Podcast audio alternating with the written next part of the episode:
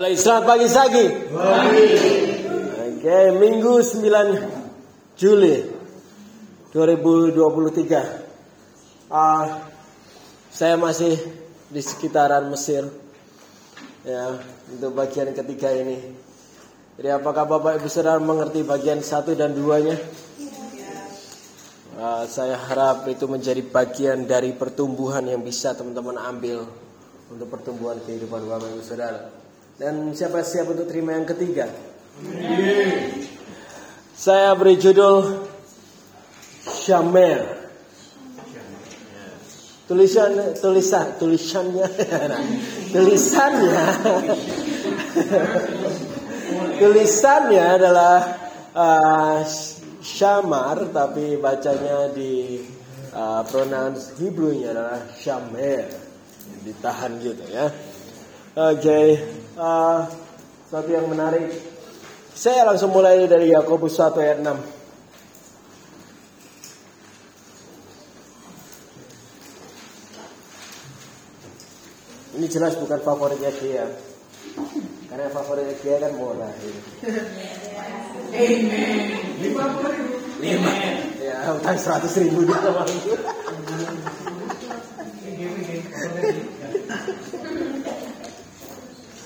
Oke, Yakobus 1 ayat 6. Ya sudah dapat katakan amin. Hendaklah yang memintanya dalam iman. Dan sama sekali jangan bimbang. Sebab orang yang bimbang sama dengan gelombang laut yang diombang-ambingkan kian kemari oleh angin. Tanpa sengaja sebenarnya ternyata ayat ini juga yang dipakai Pak Gerin tadi malam. Salah satu penulisan Rasul yang sangat berdampak ketika kita berbicara tentang iman dan hikmat. Bapak Ibu Saudara, Yakobus 1 itu banyak banget yang bisa dipelajari tentang kedua hal itu. Gitu. Dan sepanjang paling tidak hampir satu bulan ini, komunitas ini terus ada di dalam topik mendengar. Yang pertama yang saya mau kita sadari adalah Tuhan sedang dan akan terus bekerja di dalam kita. Amin. Dia bekerja di dalam setiap kehidupan pribadi Bapak Ibu Saudara dan juga bekerja di dalam kehidupan komunitas ini bersama. Yakobus mengatakan melalui ayat ini kalau kita meminta hikmat haruslah kita menerimanya dengan iman bukan dengan imron. Jangan bimbang. Jangan mendua hati. Apa maksudnya?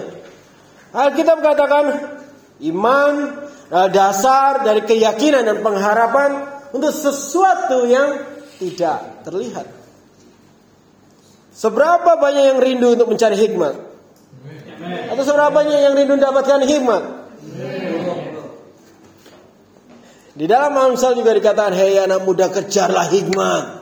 Siapa yang muda di sini? Hikmat harus dikejar, harus dicari. Tapi Yakobus katakan, kalau kamu kurang hikmat, mintalah, kejarlah, carilah. Tetapi juga dia katakan, waktu kamu menerima hikmat itu, harus terimanya dengan iman. Ya kan?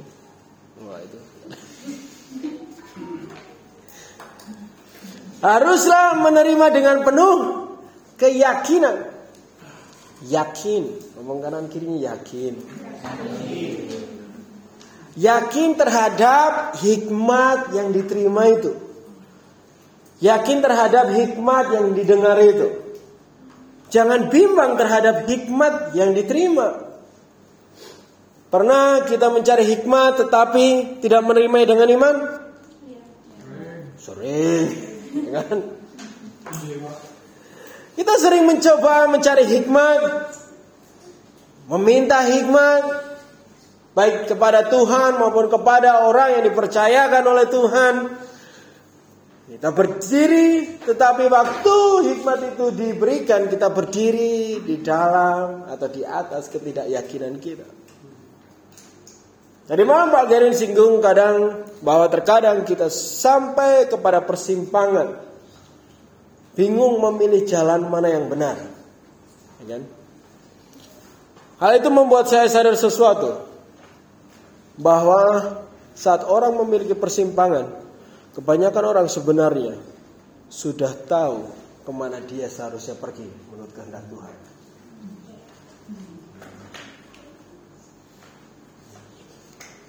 Tetapi kenapa ada persimpangan? Kenapa mereka berdiri di dalam persimpangan? Karena sebenarnya persimpangan itu itu ada karena kehendak dirinya sendiri. Amin. Orang yang berdiri di persimpangan, mereka bukan tidak tahu jalan mana yang benar untuk dipilih. Mereka hanyalah tidak mau kehilangan jalan yang mereka sukai.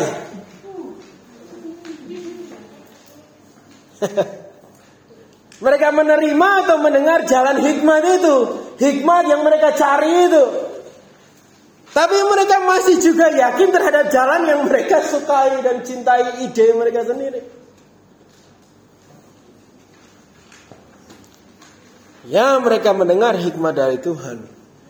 Tetapi mereka masih bimbang. Masih yang ini, aku tahu sih Tuhan nyuruh sana tapi ini juga ya. Aku tahu Tuhan nyuruh sana tapi ini. Dia nggak mau kehilangan yang dia pikir baik, tapi Tuhan, ya aku tahu Tuhan suruh ini. Nggak ada orang yang buat jalan dua. Adalah satu udah jalannya sendiri, satunya jalannya Tuhan.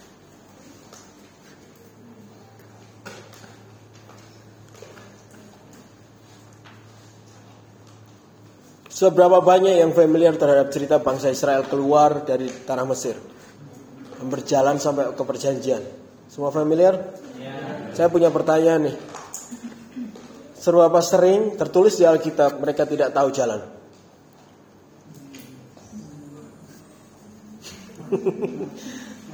Seberapa sering mereka dalam persimpangan dan nggak tahu jalannya ke mana?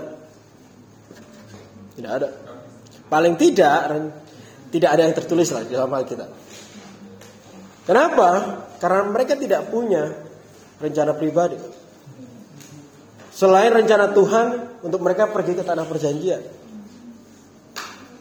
Jadi nggak ada persimpangan, mau nggak ada jalan yang dia buat sendiri. Ya kan?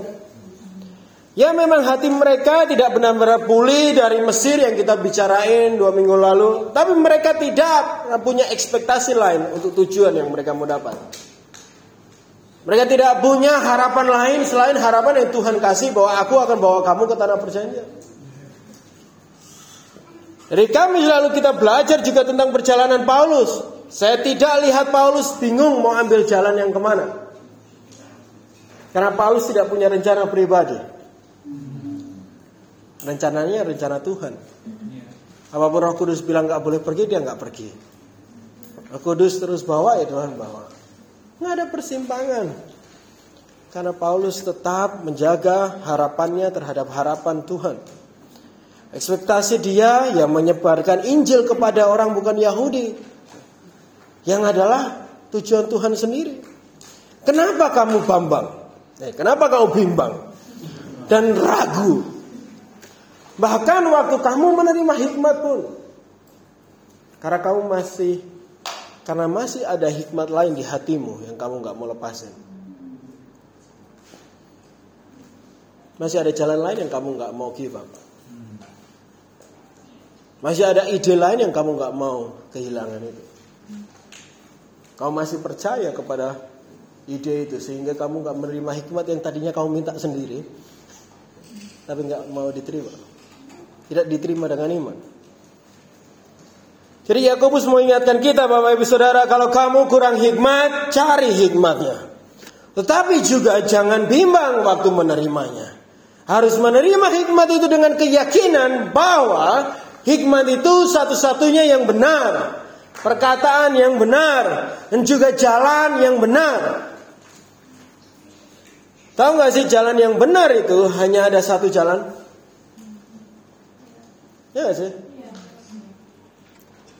Tetapi kenapa di hadapanmu ada dua?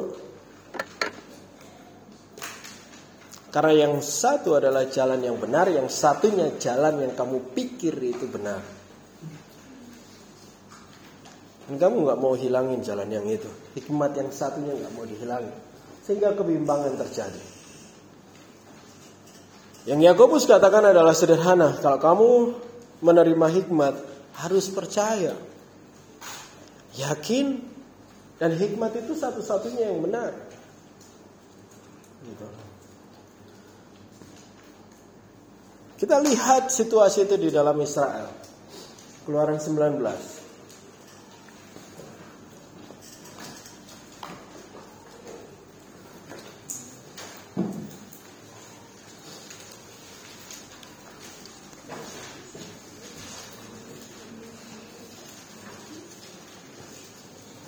Keluaran 19 ayat 1 yang sudah dapat katakan amin.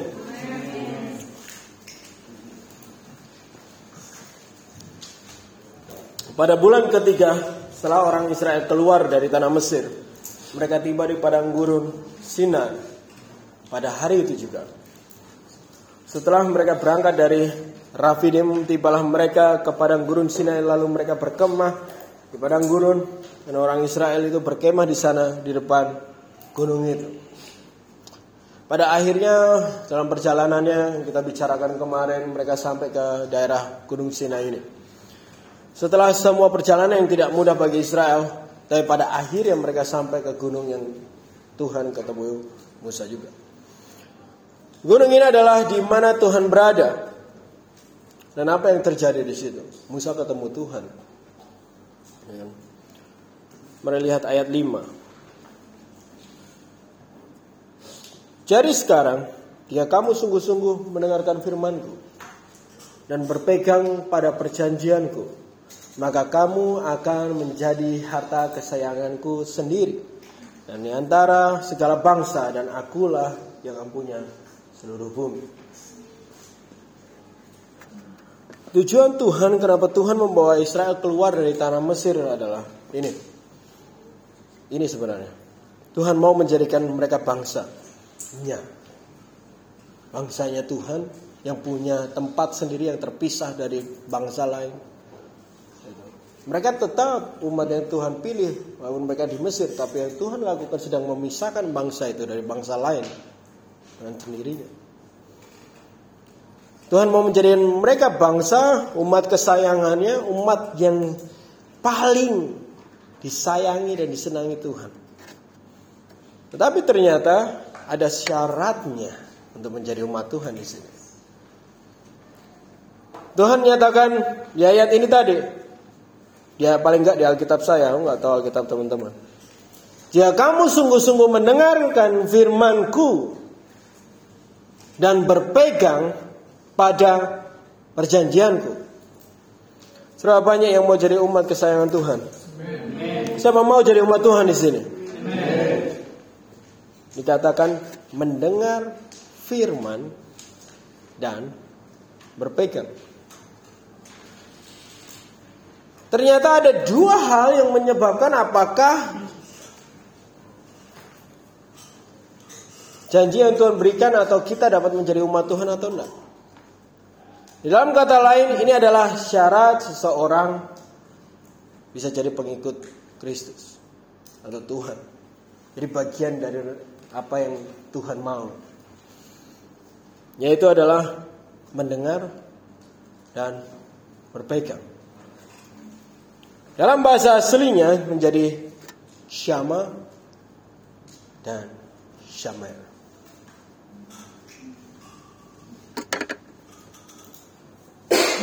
Syama sudah baik sekali memang. Dan itu yang kita bicarakan Sabtu kemarin di oleh Pak Brand di open house. Semua masih ingat? Apa itu syama? Mendengar dan taat menjadi kesatuan. Artinya ketaatan adalah bentuk dari orang yang mendengar. Atau orang dipastikan mendengar waktu dia taat. Itu syama.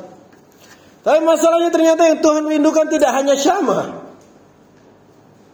Tetapi syamer juga. Katakan syamer. Tuhan katakan kalau kamu syama dan syamer, kamu akan menjadi bangsa kesayanganku. Ini mengapa saya mau bahas syamer hari ini, karena ini yang Tuhan mau untuk kita juga.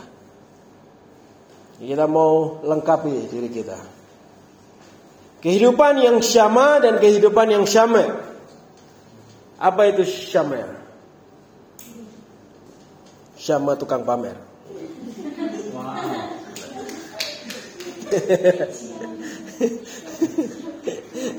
Nggak ada di note kalau itu. Syamar banyak diterjemahkan di dalam uh, Alkitab bahasa Indonesia menjadi berpegang. Ya, pegangan. Siapa pernah pegangan? Ya pegang kanan kirinya erat gitu.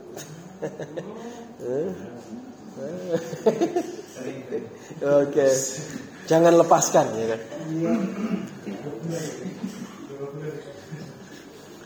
Dari katanya sendiri artinya sebenarnya guard, observe, ya, menjaga atau mengamat-ngamati atau memperhatikan. Tapi yang menarik kalau dari tulisan bahasa aslinya langsung kita sebutnya filio Hebrew. Itu akan muncul gambaran bahwa Syamer itu adalah seperti pagar duri. Pagar yang dengan sengaja dibuat, kenapa pagar itu berduri? Kenapa pagar duri? Karena ada durinya. Dan dia pagar itu dibuat untuk memastikan yang di dalam tetap di dalam, yang di luar tetap di luar.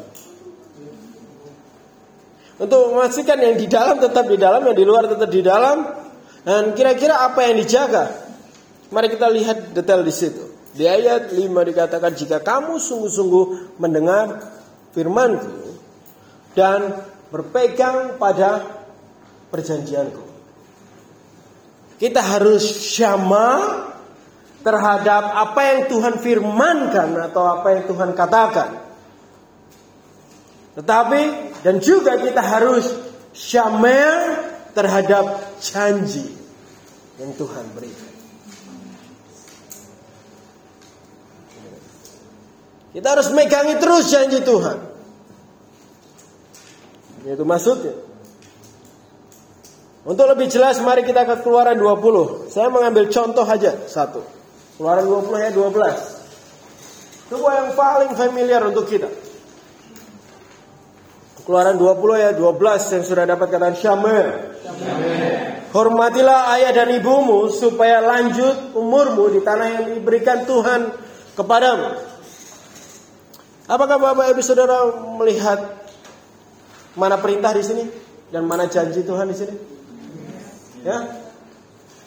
Firman dan perintahnya adalah hormati ayah dan ibumu. Dan janjinya adalah kamu akan lanjut umurmu. Ya. Ada perintah yang kita harus sama terhadap perintah itu.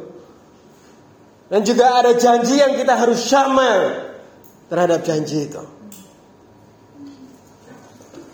Kalau kita semua mencoba merenungkan ayat-ayat Alkitab tentang perintah Tuhan, kita akan temui juga perkataan Tuhan di situ pasti ada janjinya juga.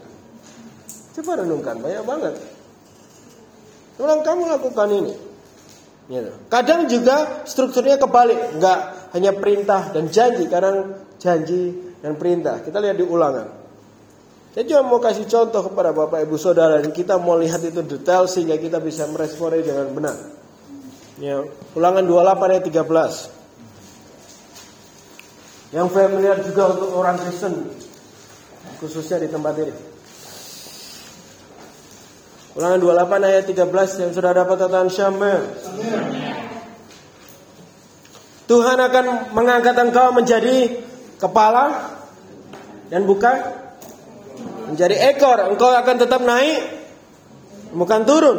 Apabila engkau mendengar perintah Tuhan Alamu yang kusampaikan hari ini, engkau lakukan dengan setia. Tuhan katakan untuk membuat umatnya jadi kepala dan bukan ekor, dan terus naik dan nggak turun. Ini adalah janjinya. Ya kan? Tapi ada perintahnya juga yaitu Untuk taati apa pun yang Tuhan omongin di situ di hari itu. Jadi Tuhan selalu berfirman di dalam dua hal ini atau bersama. Dia ngomongin perintahnya dan janjinya. Atau janjinya dan perintahnya. Dan itu tidak bisa dipisahkan karena harus syama dan syamer. Banyak orang suka ayat ini cuma lihat di bagian janjinya doang. Eh, siapa mau jadi kepala gitu kan. Tapi nggak taat. mau janjinya tapi nggak mau syamahnya. Pernah kamu mendengar dari Tuhan? Oh sedikit ya. ya. Apa yang Tuhan katakan? Tuhan akan memberikan kamu hikmat yaitu perintahnya itu dan janjinya juga. Benar nggak? Kalau hikmat itu diterima dengan iman, yaitu dengan melakukannya dan mentaatinya, apa yang Tuhan janjikan akan terjadi. Saya sedikit bongkar banyak perspektif kita hari ini. Tadi di Yakobus pun sudah memulai. Tapi juga sebaliknya, kalau kita tidak melakukan apa yang diperintahkan, jangan ekspektasi janji Tuhan akan terjadi. Ini seperti yang dikatakan di Yakobus juga. Mari kita ke Yakobus satu lagi. Balik lagi di ayat 6 tapi kita mau bacanya sampai ayat 8. Yang sudah dapat katakan Syama Syamer. Syama Syamer.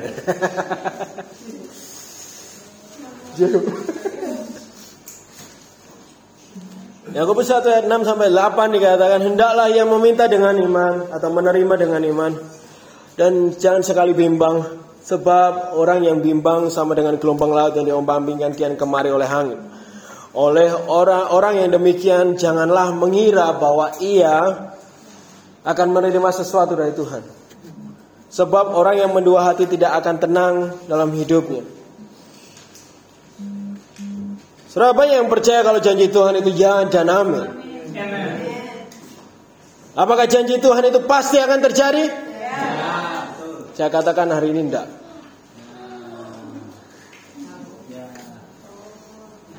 Get Bukan Tuhan tidak menepati janji, tetapi kitanya yang tidak bisa jaga janji.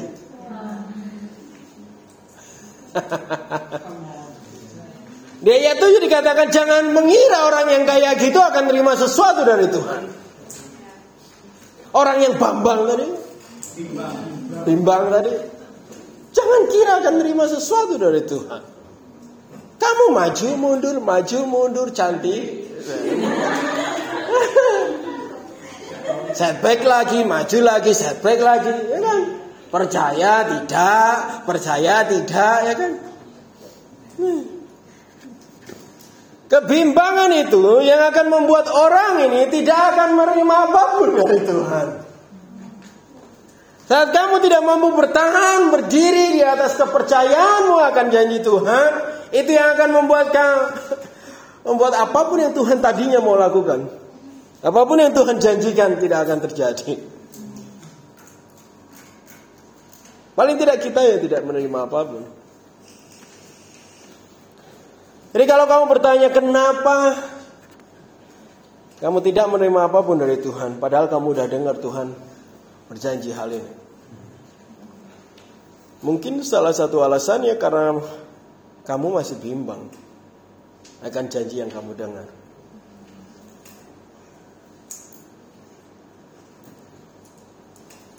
Ingat tadi bahwa di dalam gambaran bahasa aslinya syamer itu kayak pagar duri. Ya. Pagar yang dengan sengaja dibuat untuk menjaga apa pun yang di dalam dan apa pun di luar tetap di tempatnya masing-masing. Menjaganya dengan cara membuat pagar duri yang mengelilingi iman di dalam janji Tuhan itu. Memastikan apa yang di luar tidak sama sekali mempengaruhi apa yang di dalam. ataupun juga dipastikan apa pun yang di dalam firman Tuhan yang diterima, janji Tuhan yang terima itu tidak tergantikan dengan apa pun yang di luar tadi. Pernah tidak seperti ini? Karena ada yang ngomong ke kami seperti ini. Tuhan ngomong ke aku, aku tetap di sini di Jogja. Dan Tuhan akan memberi pertumbuhan. Ada firmannya, ada janjinya. Amazing. Tapi di Jogja kan gajinya tuh kecil. Kata tapi itu loh. Ya memang sih Tuhan bilang gini, Tuhan janji ini tapi.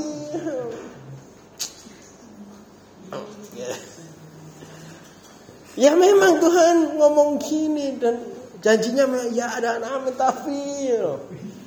Ya. Tapi saya bundar nanti lama-lama.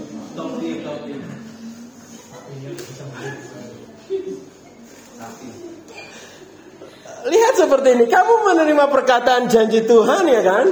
Orang ini ngomong terima, dia terima hikmat itu. Ya kan? Perkataan itu masuk ke dalam kamu, tetapi tidak ada syama, syamel. Alias tidak ada pagar durinya, tidak memegang janji itu dengan benar, tidak menjaga janji itu dengan benar. Tidak memperhatikan janji itu dengan benar. Sehingga perkataan Tuhan itu bercampur dengan asumsi pribadi atau janji semu dunia ini. Bercampur dengan janji manisnya dunia ini. Janji Tuhan tadi tidak dijaga sehingga bercampur dengan tipu daya kekayaan dan kemakmuran dunia ini. Yang terjadi percampuran itu, saat percampuran itu terjadi, itulah di mana kamu merasa, akan masuk kepada kebimbangan, mendua hati, itu, itu semua bahasa-bahasa luar biasa itu.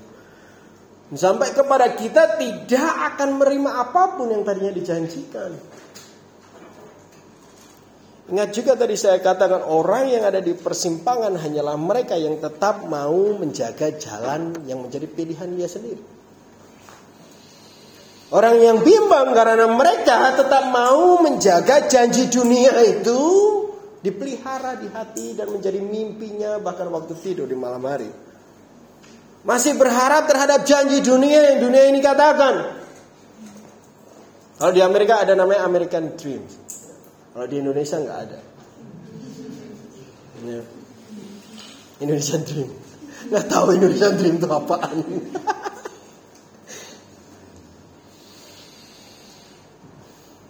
ya. Tahu nggak sih orang yang menjaga janji itu kita sebut apa? Orang yang setia. Betul? Ya, betul. Kalau saya simpulkan dengan satu kata apa itu syamer?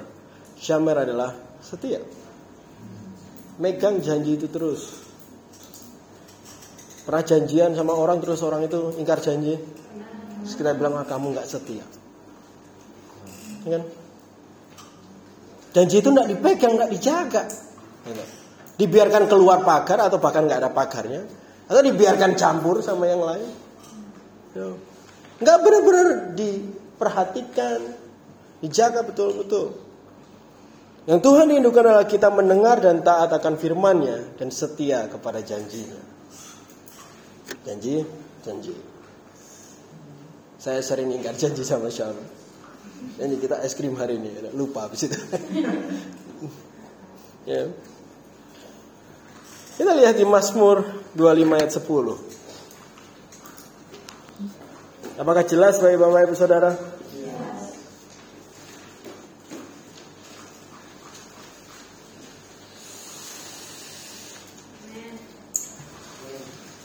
Mazmur 25 ayat 10. Yang sudah dapat katakan syama syamaya.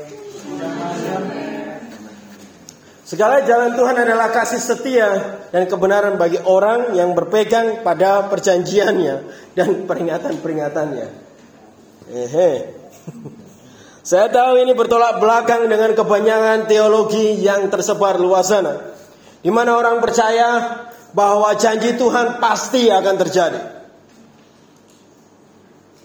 Sehingga banyak orang bilang kalau tuh janji Tuhan akan pasti terjadi bagimu. Saya bacakan lagi ayat ini. Segala jalan yang tuh segala jalan Tuhan adalah kasih setia dan kebenaran bagi orang yang berpegang pada perjanjian dan peringatan. Lebih mudahnya aku bilang gini, Tuhan setia kepada mereka yang setia. Kalau kamu tidak setia, jangan berharap Tuhan akan menyatakan janjinya kepada hidupmu. Sehingga nggak bisa dipukul rata bahwa janji Tuhan pasti akan terjadi di hidup siapa pun. Ini jelas akan berlawanan bahkan dengan hyper grace. Di mana mereka percaya sekali selamat, selamat selamanya.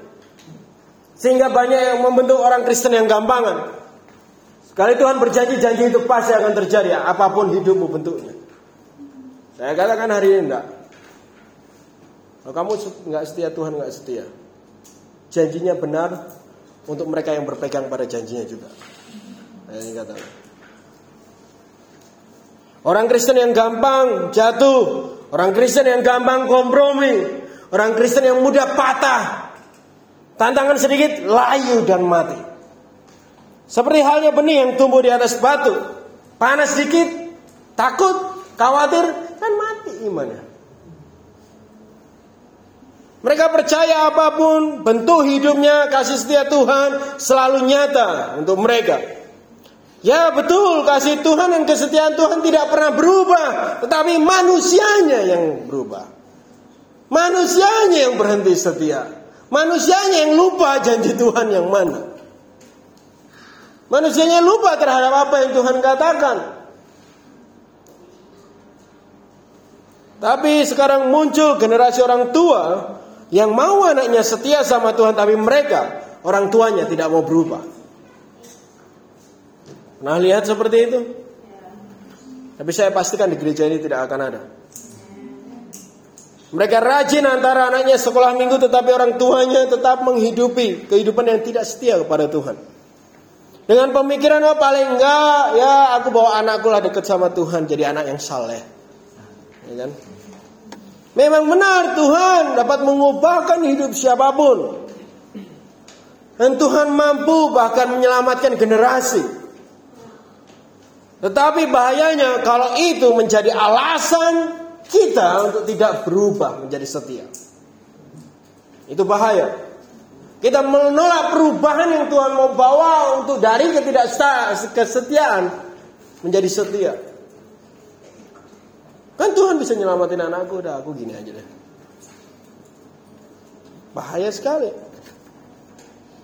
Waktu kita tidak setia pada Tuhan, anak-anak kita belum tentu akan benar-benar setia kepada Tuhan. Saya tunjukkan cerita yang lucu bagi saya di, di dua dua raja-raja.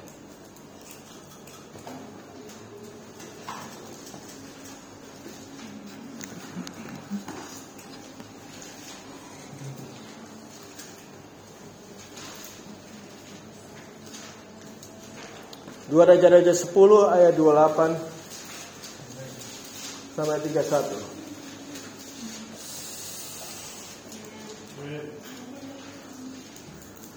Yehu. Yehu. Yehu.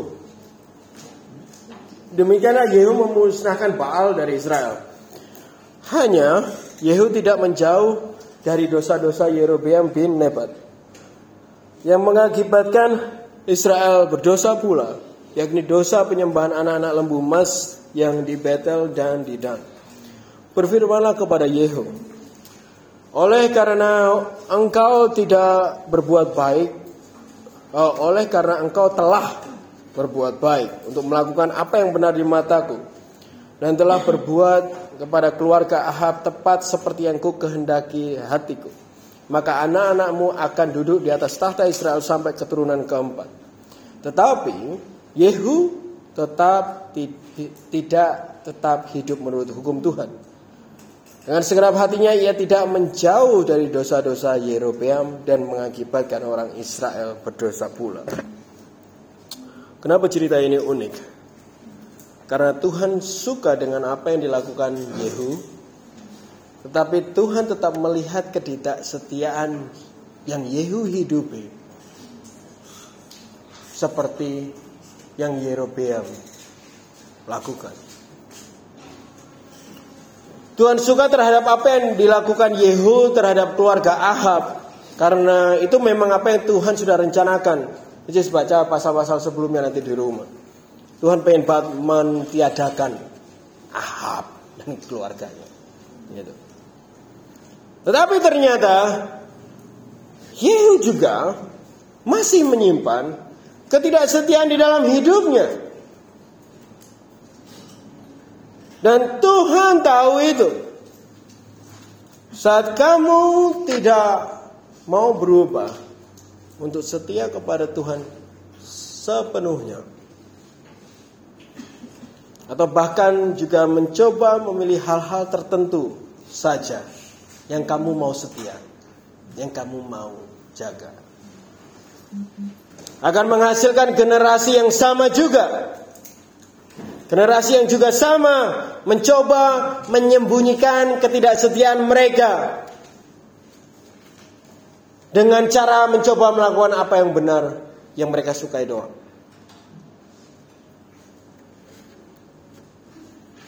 Coba sibuk dengan kegiatan gereja tapi tetap menghidupi pornografi. Sibuk dengan semua kegiatan pembelajaran Alkitab tetapi tetap menghidupi akar pahit di dalam diri.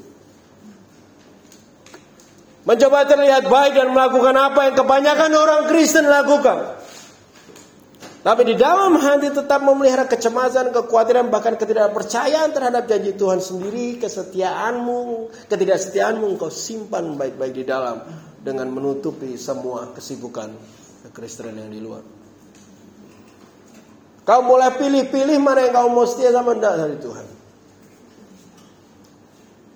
Sedikit pun ketidaksetiaan bahayanya adalah akan diperhitungkan seluruh hidup kita tidak setia. sedikit saja. Itu tetap tidak setia. Kecuali kamu mau hanya sebagian dirimu saja yang selamat. Ada yang mau? Ada yang mau sebagian hidupnya saja yang selamat? Mungkin tangan kanannya aja yang selamat. Yang masuk surga satu. Tuhan menyelamatkan Israel untuk seluruh bangsa itu menjadi miliknya. Tuhan menyelamatkanmu untuk seluruh hidupmu jadi selamat. Jadi dia mau kesetiaan seluruhnya dari hidupmu. Tidak perlu menyembunyikan ketidaksetiaanmu. Kami di gembala di tempat ini mungkin tidak tahu, tetapi Tuhan pasti tahu itu masalahnya. Tuhan tahu benar-benar Yehu. Dan hanya mereka yang setia Tadi kita baca bahwa mereka lah yang Tuhan juga setia terhadap mereka. Begitu kamu mengeraskan hati untuk berubah, berubah dan tidak setia, berubahlah menjadi setia. Setia kepada janji yang Tuhan sudah berikan dan kamu terima. Menjaga hal itu baik-baik, berpegang di dalam hal itu tanpa membiarkan apa pun mencampurinya. Tuhan akan tetap menepati janjinya. Kalau kita tidak mau berubah, Tuhan tetap akan menepati janjinya kepada dirinya sendiri, tetapi mungkin tidak melewati kamu.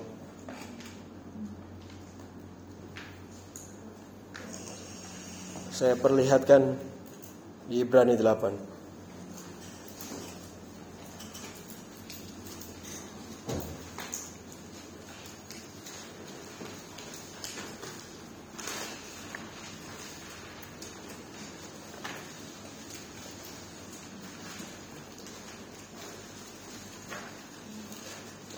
Ibrani 8 ayat 9. Bukan seperti perjanjian yang telah kuadakan dengan nenek moyang mereka.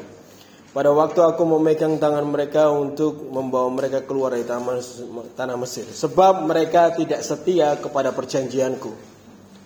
Sehingga aku menolak mereka. Demikian firman Tuhan. Apakah Israel masih ada sampai hari ini? Saya mau bagikan ini hanya karena saya tidak mau komunitas ini menjadi seperti angkatan Israel yang tidak setia pada Tuhan. Tapi kita mau jadi angkatan yang setia. Kenapa mereka tidak setia? Kenapa tidak ada ketidaksetiaan itu? Mereka mendengar, mereka berjalan. Tetapi apa yang Tuhan katakan mudah hilang dari pikiran mereka.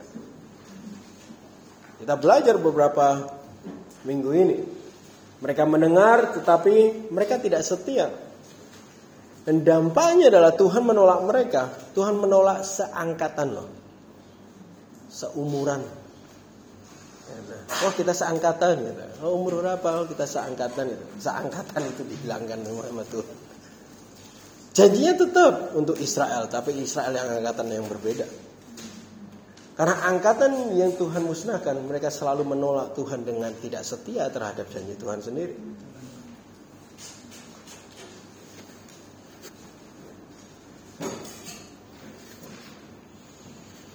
Tuhan tidak menginginkan mereka yang tidak setia.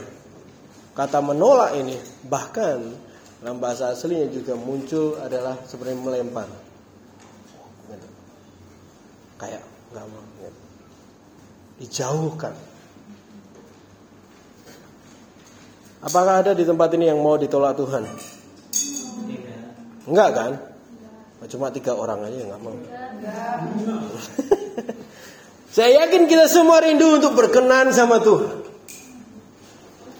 Kesetiaan kita tetap bertahannya kita kepada iman akan janji kebenaran Tuhan. Itu yang menentukan kita akan disayangi Tuhan atau enggak. Janji Tuhan akan terjadi atau enggak. Kenapa kita pelajari tentang Mesir, hati Mesir hari-hari ini? Karena hati Mesir yang membuat mereka yang membuat Tuhan menolak mereka. Mereka tidak memegang janji yang Tuhan katakan. Tapi sedikit pun kesulitan mereka berubah. Kehidupan yang dipenuhi dengan ketidakpercayaan walaupun mereka terus berjalan maju dengan Tuhan. Lihat bahwa kepenuhan hidup kita di dalam Kristus hanyalah menjadi sempurna saat kita syama dan syamer. Kamu tidak bisa tahan dan terus kuat tanpa kamu benar-benar menyimpan, menjaga, berpegang pada janji Tuhan itu. Janji Tuhan, di Titus katakan janji Tuhan itu membebaskan. Membebaskan dari kehidupan yang tidak punya hukum. Hukum dan janji Tuhan itu membebaskan orang-orang untuk keluar dari kehidupan yang tidak punya hukum. Artinya kehidupan yang jahat, kehidupan yang berantakan, kehidupan yang selalu cemas, kehidupan yang tidak punya arah. Ya. janji Tuhan itu yang membuat kamu terus mampu berpegang. Kenapa benih itu yang di atas batu gampang mati? Karena akarnya nggak punya tempat untuk pegangan. Betul? Karena akarnya nggak bisa tumbuh dalam dan kuat sampai bawah. Nah kalau kamu nggak pernah pegangan, kamu akan mudah lemah, mudah jatuh, ya kan?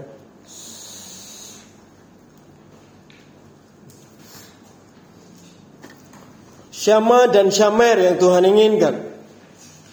Ketaatan dan kesetiaan itu yang Tuhan rindukan. Generasi angkatan yang pertama yang keluar dari bangsa Mesir tidak mampu bertahan untuk setia waktu panas terik itu datang. Tidak mampu bertahan pada janji Tuhan. Janji Tuhan dilupakan begitu saja waktu ada tantangan datang.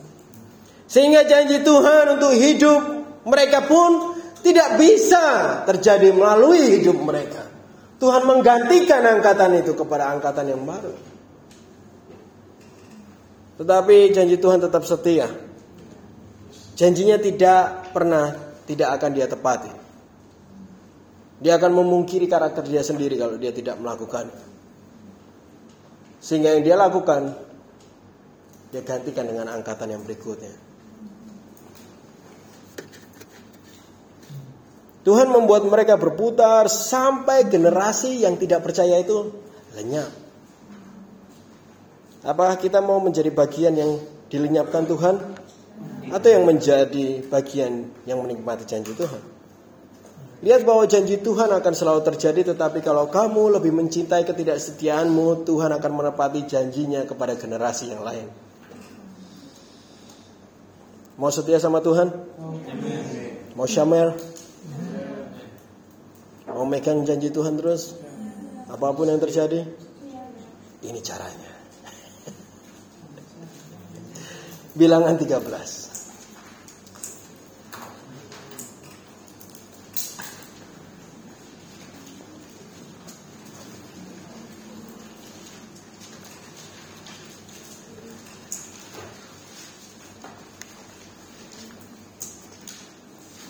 Kita mulai dari ayat 31 sampai ayat 33. Tetapi orang-orang pergi ke sana bersama-sama dengan dia berkata tidak dapat maju menyeberang, menyerang bangsa itu karena mereka lebih kuat daripada kita.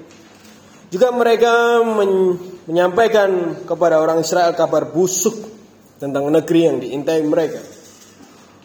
Dan berkata negeri yang telah kami lalui untuk diintai bukan untuk dicintai diintai adalah suatu negeri yang memakan penduduknya. Kanibal. Dan semua orang yang kami lihat di sana adalah orang-orang yang tinggi-tinggi perawakannya. Juga kami lihat di sana orang-orang raksasa. Orang-orang enak yang berasal dari orang-orang raksasa. Dan kami lihat, ya kan, diri kami seperti belalang. Dan demikian juga mereka terhadap kami. Ini laporan yang dikatakan dari tim yang disebut 12 pengintai. Ada intel yang dikirim dari Polres Israel. Mereka mengintai dan mereka coba lihat-lihat tanah yang menjadi janji Tuhan itu tadi. Ya. Ini janji Tuhan yang mereka lihat. Nah, ini adalah laporan dan hasil apa yang mereka lihat. Mereka mengatakan kalau mereka memang tanah itu penuh dengan raksasa dan pasti orang Israel akan kalah atau mati itu kayak, kayak mereka cemas yang lalu pasti nggak bisa kita dapatkan. Tapi lihat ternyata ada laporan lain di dalam dari dalam tim itu. Kita maju ke pasal berikutnya pasal 14 tapi di ayat 6 dan 9 eh, 6 sampai 9. Tetapi Yosua bin Nun dan Kaleb bin Yefune yang termasuk orang-orang yang telah mengintai negeri itu mengoyakkan pakaian mereka dan mereka berkata dengan segenap umat Israel, negeri yang kami lalui untuk diintai itu adalah luar biasa baiknya. Jika Tuhan berkenan kepada kita, maka Ia akan membawa kita masuk ke negeri itu dan akan memberikannya kepada kita sesuatu negeri yang berlimpah-limpah susu dan madunya. Hanya jangan memberontak kepada Tuhan. Jangan takut kepada bangsa negeri itu, sebab mereka akan kita telan habis. Yang satunya ngomong kita yang akan ditelan, yang di sini yang kita akan telan mereka yang melindungi mereka untuk meninggalkan mereka sedang Tuhan menyertai kita. Jangan takut kepada mereka. Saya mau kita eh, saya mau ajak Bapak Ibu Saudara untuk lihat sesuatu yang menarik di sini. Sadarkah ada perbedaan antara dua laporan ini? Tetapi mereka berasal dari tim yang sama. Satu tim. Tiap Rabu teman-teman punya tim. Kan? Laporannya beda-beda. Mereka melihat hal yang sama. Catat baik-baik yang sedang mereka lihat adalah janji Tuhan itu. Ya kan? Mereka mengintai kota yang sama. Saya rasa orangnya pasti sama juga. Bangunannya pasti sama juga. Yang disebutkan sama 10 orang lain tadi. Apa yang membuat mereka berbeda? Yang membuat terus laporan mereka beda. Laporan di pasal 13 tadi berisikan laporan hasil dari apa yang mereka lihat. Ya. Sadar bahwa beberapa kali bahkan dia mengatakan kami lihat tanah itu busuk. Kami lihat raksasa-raksasa saling memakan. Kami lihat, kami lihat beberapa kali dia bilang itu. Kami lihat mereka tinggi-tinggi. Kami lihat Mereka fokus terhadap apa yang mereka lihat dengan mata mereka. Tetapi laporan yang kedua, ya mereka juga bilang bahwa mereka bilang mereka mengintai. Mereka melihat juga. Tapi dia cuma ngomong itu. Tapi apa yang mereka lihat tidak merubah janji Tuhan yang pernah mereka dengar. No. Laporan mereka penuh dengan bukti bahwa mereka mengingat dan percaya terhadap apa yang Tuhan sudah pernah janjikan kepada mereka. Yang satunya penuh dengan kami lihat ini, kami lihat ini. Gitu. Yang satunya penuh dengan hampir seluruh laporan itu. Kalau teman-teman lihat perbandingannya, itu isinya bahwa mereka ingat janji Tuhan. Mereka syamar janji Tuhan itu. Mereka jaga janji Tuhan itu.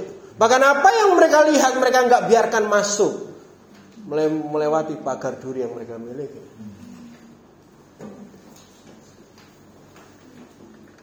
Jika Tuhan berkenan dia bilang, ia akan bawa kita masuk ke negeri itu. Akan memberikan kepada kita. Karena itu udah janji Tuhan yang penuh dengan susu dan madu itu. Yosua dan Kaleb mereka melihat juga sama dengan yang sepuluh yang lainnya. Tetapi apa yang mereka lihat tetap dibiarkan di luar. Tidak di dalam mereka. Mereka jaga betul janji Tuhan yang ada di dalam mereka. Tuhan yang sudah mereka taruh Janji Tuhan yang mereka taruh di dalam pagar duri yang mereka buat di dalam diri mereka pegang betul-betul jaga betul-betul janji itu. Apakah 10 orang yang lain tidak pernah dengar janji itu? Mana kan? Tapi ke mana janji itu? Tidak disyamer, tidak dijaga. Tidak dibiarkan tetap tinggal. Tidak diingatkan kepada dirinya. Selidiki di dalam peristiwa hidup-hidup kita. Ketika ada tantangan, ketika ada kesulitan, kira-kira apa yang keluar duluan? Apakah hanya apa yang kita lihat? Atau janji itu menjadi kekuatan bagi engkau? Sampai mana tadi? Apa yang mereka lihat tidak bahkan mereka izinkan mencampuri janji Tuhan. Dari 12 orang itu, 10 orang mengizinkan apa yang mereka lihat dengan mata itu menggantikan janji Tuhan yang pernah mereka dengar. Tidak sama sekali respon mereka memperlihatkan bahwa mereka seperti orang yang pernah mendengar janji Tuhan. Tetapi Yosua dan Kaleb memperlihatkan kepada kita bahwa mereka syamer terhadap janji Tuhan itu. Mereka megang betul janji Tuhan itu. Apa pun yang terjadi, siapa pun yang tinggal di sana, Tuhan sudah kasih tanah itu sama kita. Ya memang mereka mungkin besar-besar, tapi aku tahu janji Tuhan.